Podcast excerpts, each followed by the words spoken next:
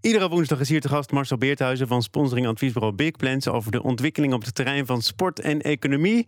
Vandaag over de rol van nationaliteit in de sport. Marcel, meestal heb ik wel in de krant gelezen eh, waar wij het over gaan hebben, volg ik het op de voet. Maar hier verras je me mee. Uh, wat is de aanleiding voor het onderwerp van vandaag? Ja, uh, drie weken geleden is er iemand afgestudeerd in, uh, in Rotterdam. Joost Jansen heet hij. En hij heeft een onderzoek gedaan naar zeg maar de afkomst van, van sporters tijdens de Olympische Spelen. En hij werd, is een onderzoek dat vier jaar heeft gelopen. Hij is gepromoveerd. En dat kwam een beetje voort uit het feit dat in 2012 er in Groot-Brittannië, waar toen de Olympische Spelen waren, veel discussie was omdat er 61 mensen voor het Britse team uitkwamen bij de Olympische Spelen die uh, er in een ander land geboren waren. En de Daily Mail noemde dat plastic Brits. En hij, heeft dus, uh, hij is, is, even gaan onderzoeken. Het was natuurlijk een hele rare discussie sowieso. Mo Farah, prachtige atleten, ging dat onder andere over. Maar het ging met name over donkere atleten. En niet mensen die uit een hè, witte atleten die uit bijvoorbeeld Duitsland kwamen en voor Engeland uitkwamen, voor Groot-Brittannië. Hij is dat gaan onderzoeken. En wat blijkt nou? Dat, uh, dat aandeel is er altijd wel, maar dat was zelfs in 1952 7 procent. Hè. Dus atleten op de Olympische Spelen waren, uh, kwamen uit een ander land dan. Waren in ander land geboren dan het land waar ze voor uitkwamen. En nu is dat gemiddeld zo'n 9 procent. Dus er is heel weinig verschil. Maar het gevoel wat bij mensen leeft, is dat het eigenlijk veel groter is geworden. Dat komt natuurlijk door globalisering en door migratie.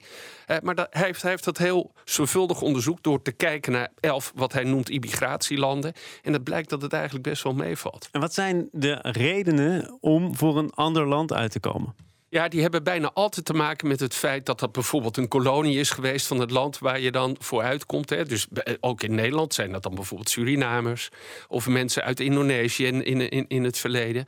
Uh, Surinamers noemen wij al mensen die uit een ander land komen.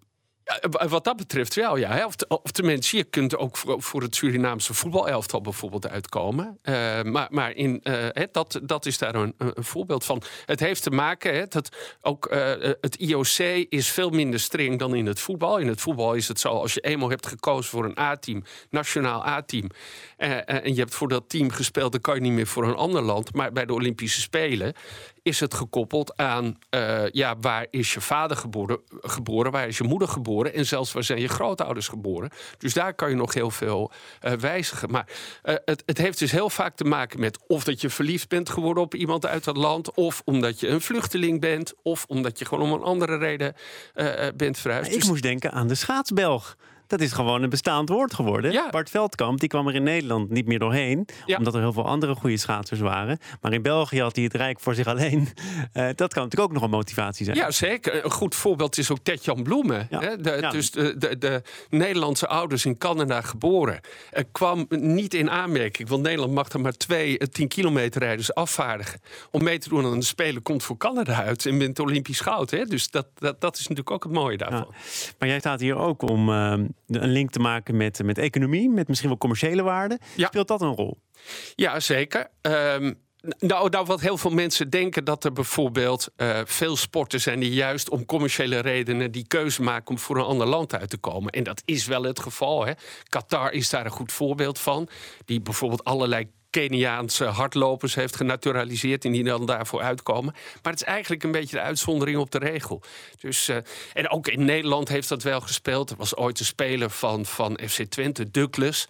Uh, ja, wilden we die nou wel of niet uh, tot Nederlander maken? Dat is hem gelukt. Hij is nooit voor Oranje opgeroepen. Maar, maar... hij was ook overigens verliefd op een Nederlandse dame. Ja, hij had een vriendin. Hij is wel genaturaliseerd. Maar Kalou, die bij Feyenoord speelde, was het niet gelukt. He, Hele grote discussie. toen tegen. Het was een enorme discussie. Dus het, het, het roept veel discussie op, inderdaad.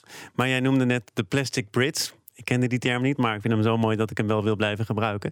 Um, stel nou dat er zo'n Brit inderdaad een, een, succes boekt. Of uh, Tetjan Bloemen wint voor Canada de 10 kilometer.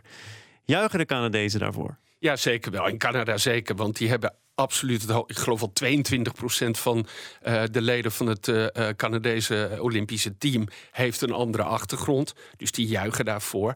Ja, ik vind het wel interessant om het ook te vertalen naar andere sporten. Bijvoorbeeld, ja, Primoz Roglic, hè, de Sloveen die uitkomt voor, voor het team van Jumbo-Visma. Als die nou de Tour wint, juichen we daar dan voor. Uh, juich jij daar dan voor als wielerliefhebber? Of als Ajax met Dusan Tadic en Servië heel ver komt uh, in de Champions League, hoe kijken we daar dan naar? En, ja. en wat is jouw uh, eigen ja, verwachting mijn, daarbij? Mijn particuliere opvatting is dat, dat we toch Roglic niet zien als een Nederlander. En, en niet als, ja, dat is wel een Nederlands team, maar dat voelt toch anders dan de sport voetbal, wat ook een teamsport is, waar, waar de club Ajax al heel erg lang bestaat. En we daar op een andere manier naar kijken. Dus in mijn gevoel, en Richard Plugge die ontkent dit overigens hoor, de ploegleider van uh, Jumbo-Visma.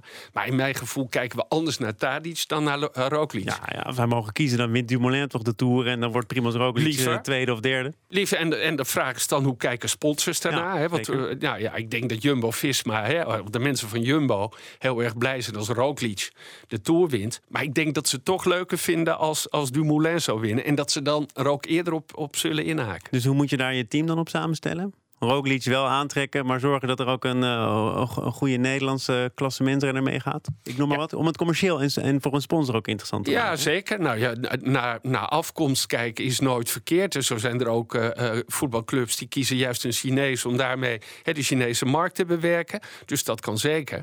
Maar ik denk als je echt het gevoel wil creëren, en dat is natuurlijk wel dat nationalisme hoort ook wel bij, bij, bij sport en zeker ook uh, bij, bij Olympische sporten, is wel iets wat belangrijk is uh, is. Hè, wat, dat we met z'n allen achter oranje staan. Dat we daar een bepaald gevoel bij hebben.